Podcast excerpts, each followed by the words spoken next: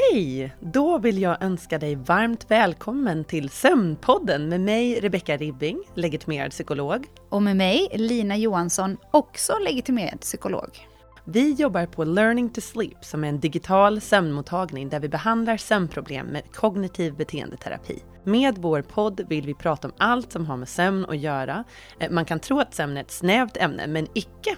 Det finns ett hav av ämnen som rör sömnen. Stress, läkemedel, parasomnier, drömmar, humör, prestation, men även vad som händer med sömnen när det är fullmåne.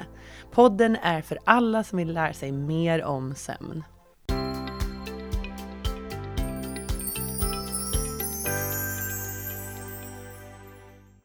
Hej allihopa och välkomna till dagens poddavsnitt.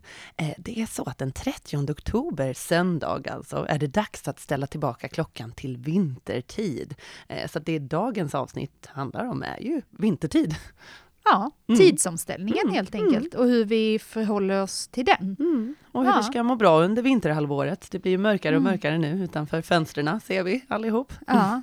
Mm. Eh, Rebecka, jag tillhör ju de som eh, faktiskt älskar hösten och jag vet mm. att det kan låta helt absurt för vissa människor, att jag går faktiskt lite igång på det här mörkret och eh, kylan. I alla fall initialt tycker jag att det är ganska mysigt och mår rätt så väl när hösten kommer och ända fram till jul så tycker jag att det är ganska okej. Klart att jag blir, man blir lite trött och seg när det är mörkt större delen av dagen. Eh, men jag är ju då dessvärre inte en av dem som känner första januari att yes, nu vänder det. Nej, nej. Då tycker jag att det är tungt alltså. Även om det blir lite ljusare för varje dag som går så tycker jag januari, februari och mars är blytunga månader alltså. Mm. Ehm, så jag gissar att det är med tidsomställningen som det är med allt annat, att vi reagerar på den väldigt individuellt. Mm. Jo, och det är sant. Eh, det man har sett är ju att när vi går över till vintertid så, så får vi en till timmes sömn.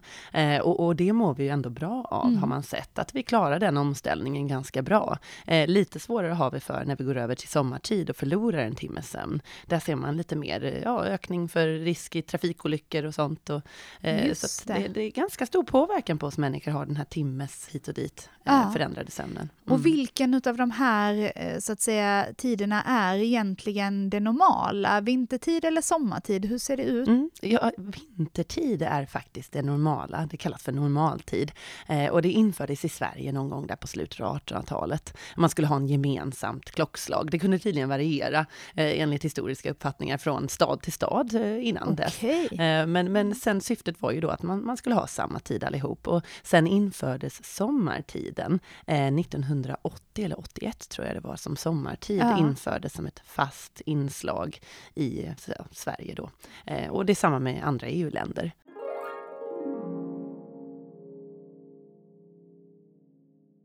Okej Rebecka, men då, då verkar det ju som att vintertid är så att säga det som är vårt ursprungsläge. Mm. Det var där vi mm. började någonstans. Och mm. jag vet ju att det är så att många forskare förespråkar det här med att faktiskt hålla fast vid vintertid året om. Mm. Ehm, och, och, vad handlar det om? Jo, men det är just det här med att vi behöver morgonljuset. Mm. Det är så mm. viktigt för oss det här att det går egentligen med solen, följer ju vintertidsschemat med liksom solens upp och nedgångar. Ja. Och då får man den här timmen på morgonen extra av solljus. Och det är så otroligt viktigt för vår dygnsrytm, att ställa om den till rätt dygnsrytm. Vi får solljuset, vi blir aktiverade och sen så blir det mörkare tidigare på kvällen. Och då ja. får vi ju också den här frisättningen av melatonin, vårt mörkerhormon hormon, vårt sömnhormon som vi behöver för att sova. Just det. Eh, så det är därför vintertiden är egentligen vår normaltid, kan ja. man kalla den. Så mer ljus och då framförallt dagsljus mm. på morgonen tidigare lägger ja. lite dygnsrytmen och gör att vi blir sömnigare då tidigare på kvällen mm. kan man ja. säga. Ja, ja mm. exakt.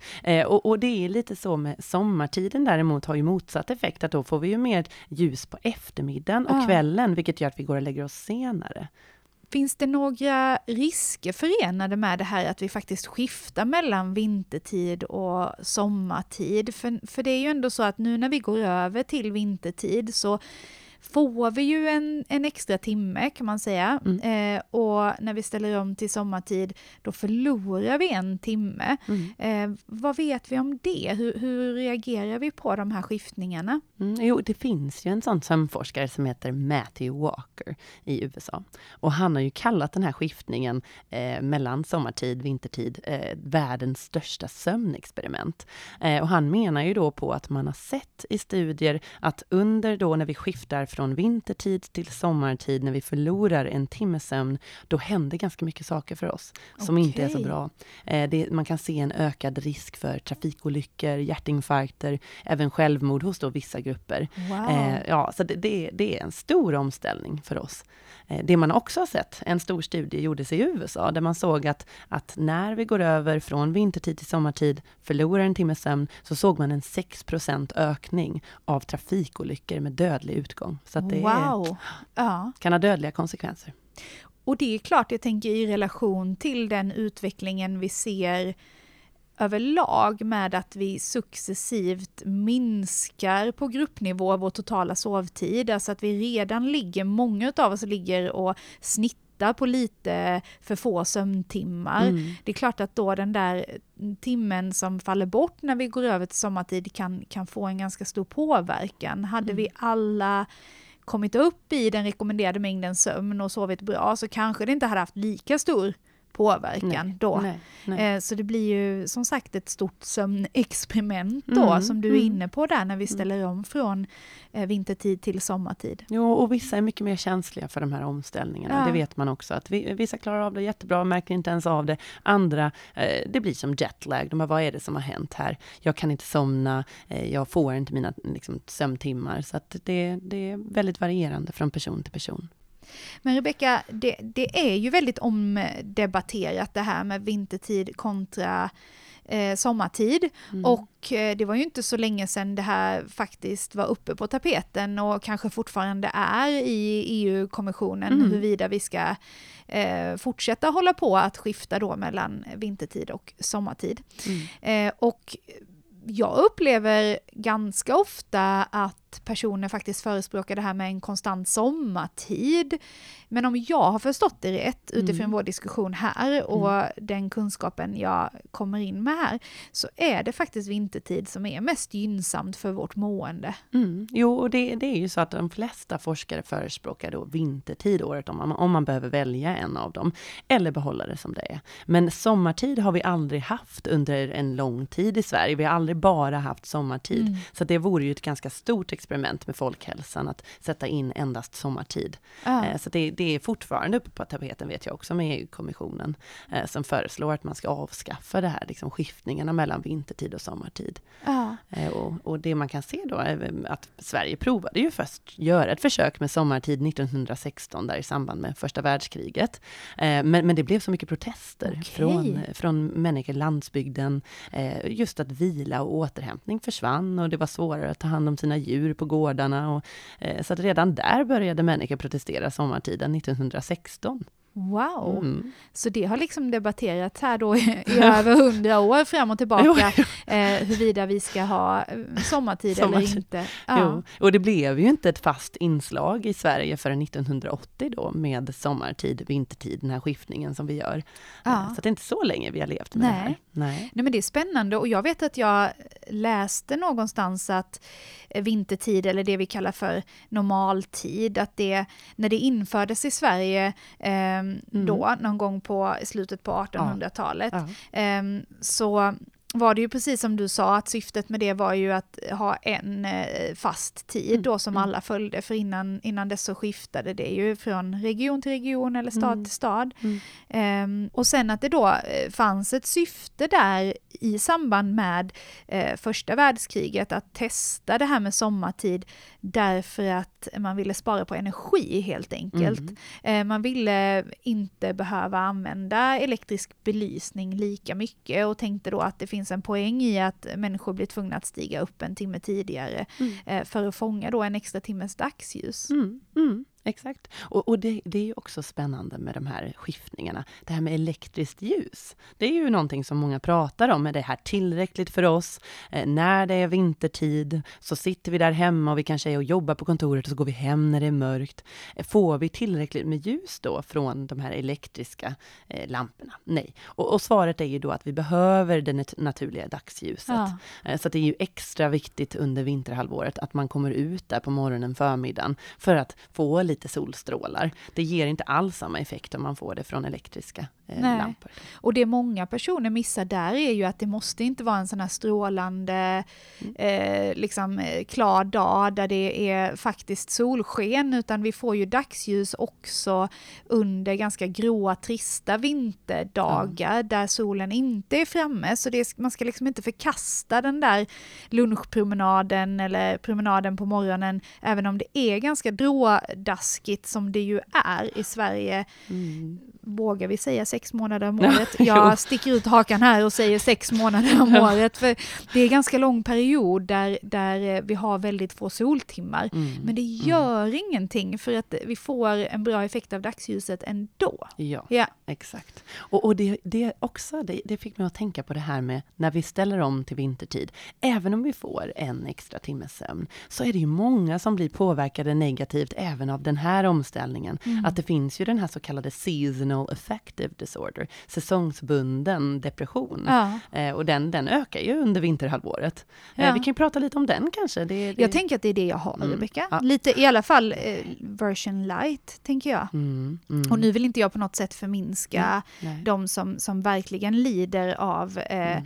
eh, det här fenomenet, för jag kan ju ändå arbeta och ta hand om min familj och upprätthålla ett förhållandevis eh, normalt liv. Mm. mm. Men jag mår verkligen betydligt eh, mycket sämre än vad jag gör resten av av året, om, man, om man ser då på de här vintermånaderna som jag var inne på, där januari, februari, mm. mars. Mm. Um, så att jag märker det här väldigt tydligt för egen del, um, att, att mitt generella mående och energinivåer är mycket, mycket lägre under eh, den tiden på året mm. helt enkelt. Mm. Jo, och det är ju så att det, det, är inte alltid helt fastställt med varför vissa får det här eh, seasonal affective disorder eller inte. Eh, men det man ser är ju att det finns ju en tydlig koppling till de här starka skiftningarna i mörker och ljus som händer på vintern. Eh, och, och diagnosen är till exempel ganska sällsynt mm. i länder nära ekvatorn, där vi ja. inte har de här skiftningarna. Eh, så det, det ante mig, för jag har alltid mm, tänkt så här att mm.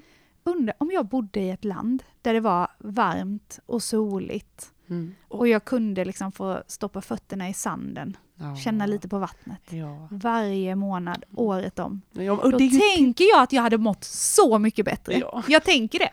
Eh, och det är ju alltid skönt när forskningen faktiskt eh, stödjer det, jag, det jag tänker. Um, mm. så. Och, och, det är ju därför man kan tänka sig att det kanske är extra viktigt att få sig en utomlandsresa. Ännu mer stöd för att man kanske ska åka till solen där under vinterhalvåret, ja. om man har extra jobbigt.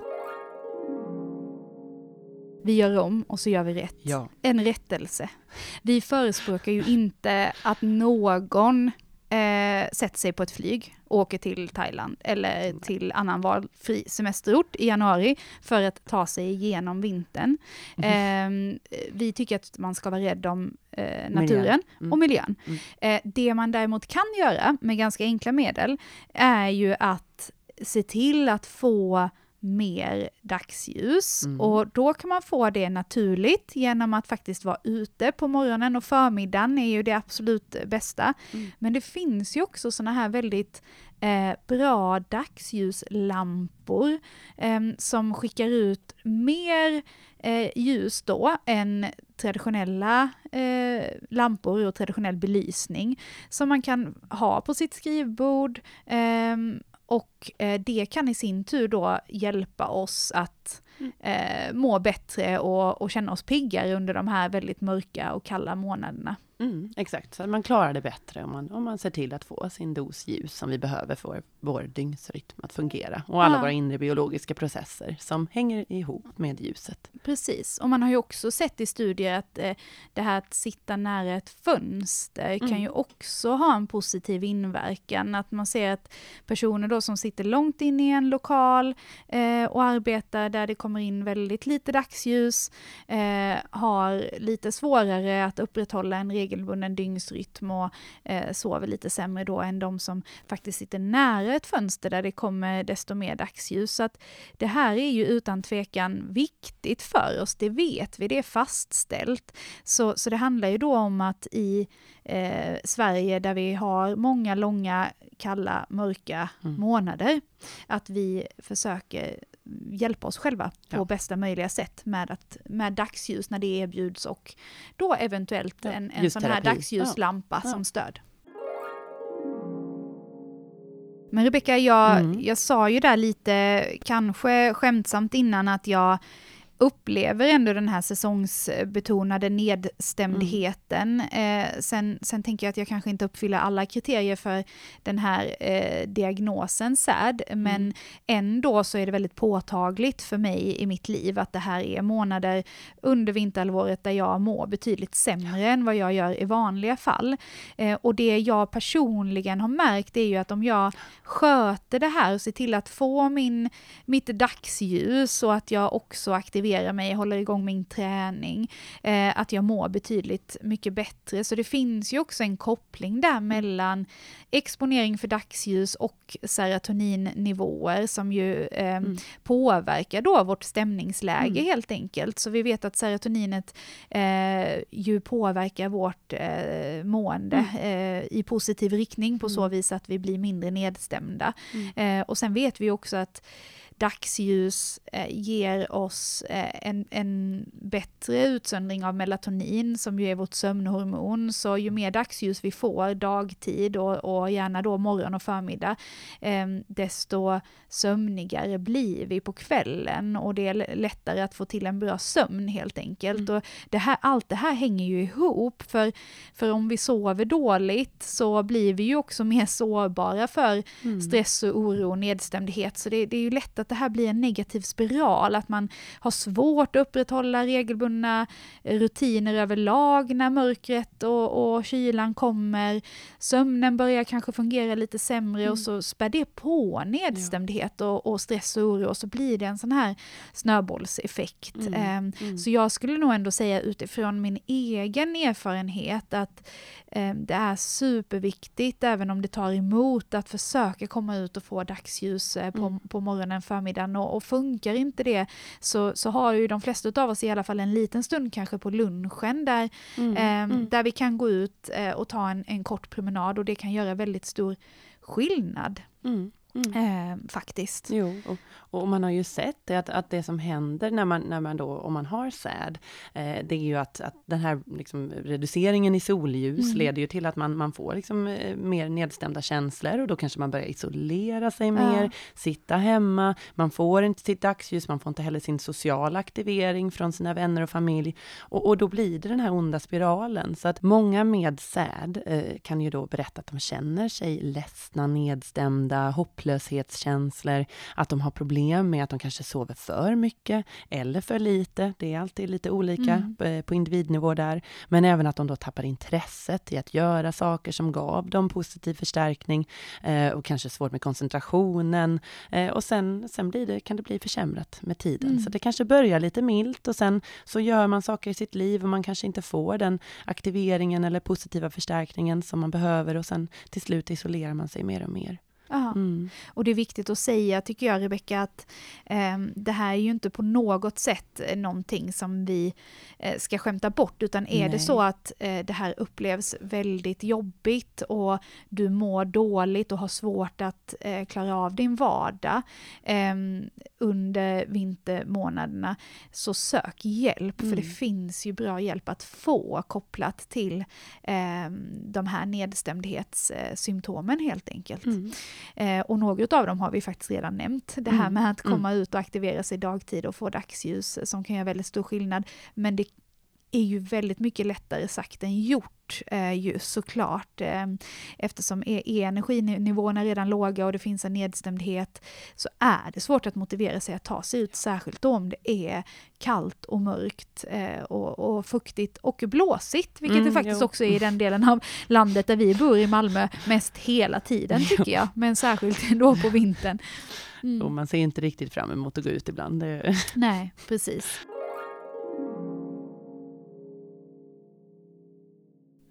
Men Rebecka, nu har vi ju pratat en massa om mig och min upplevelse. Eh, hur upplever du de här vintermånaderna och mörkret? Hur hanterar du det? Mm, jag älskar mörkret och Nej. vintern. Jag gör verkligen det. Jag känner inte av det överhuvudtaget. Jag blir så glad att jag får sova en extra timme. Jag, jag, firar nästan den dagen när jag kommer få sova en extra timme. Och, och, min man brukar kalla mig en vampyr. Därför jag sitter där i fönstren, älskar staden på natten när det är mörkt, går runt där. Ja. Det, det är min tid helt enkelt, mörkret. Wow, men det går ju lite hand i hand med, med ditt intresse för mm. väldigt eh, ja. mobila och eh, liksom eh, läskiga tv-serier mm. om seriemördare ja, och annat. Ja, jag tänker att det, det, det, passar in på något vis. Allt spännande händer på natten och allt ja. hemskt, men eh, jag är en nattmänniska helt enkelt och en vintermörk människa. Ja. Mm. Wow, så spännande, imponerande. Ja, verkligen. Vi närmar oss nu då omställningen till vintertid. Den är ju bara precis runt hörnet här. Eh, och eh, du Rebecka har aldrig varit lyckligare. Nej. Eh, fantastiskt får man ju ändå säga. Mm. Eh, men vad är det då vi ska tänka på, rent mm. praktiskt? Det är väldigt svårt för människor ibland att komma ihåg ja. vad som händer då. När ställer vi tillbaka klockan? När ställer vi fram den? Hit och dit. Men det finns någonting enkelt man kan komma ihåg. På våren tar vi fram utemöblerna och grillen, fram klockan alltså. Och på hösten ställer vi tillbaka utemöblerna och grillen, ställer tillbaka klockan. Så kan man komma ihåg det. Mm. Spännande. Men för alla som lyssnar på Sömnpodden och eh, som nu då våndas lite inför den här tidsomställningen så vill jag ju då ändå slå ett slag för att vintertid faktiskt är normaltid och att vi får en, en extra timme sömn mm. och att det är inte det här skiftet från sommartid till vintertid som är förenat med eh, så att säga mest eh, risker utan eh, det kommer först lagom till våren då. Mm. Så för alla er som, som då tycker att nu går vi in i en mörk tunnel här, mm. så vill jag bara säga att vi ses mm. i ljuset av den där tunneln någon gång där i april. Eller så jag, njuter vi av den. Jag är med er. Ja. Mm. Eller så gör vi som Rebecka och njuter. Allting är individuellt. Mm. mm. Och oavsett så kan ni vara lugna att vi får sova en timme till. Hurra!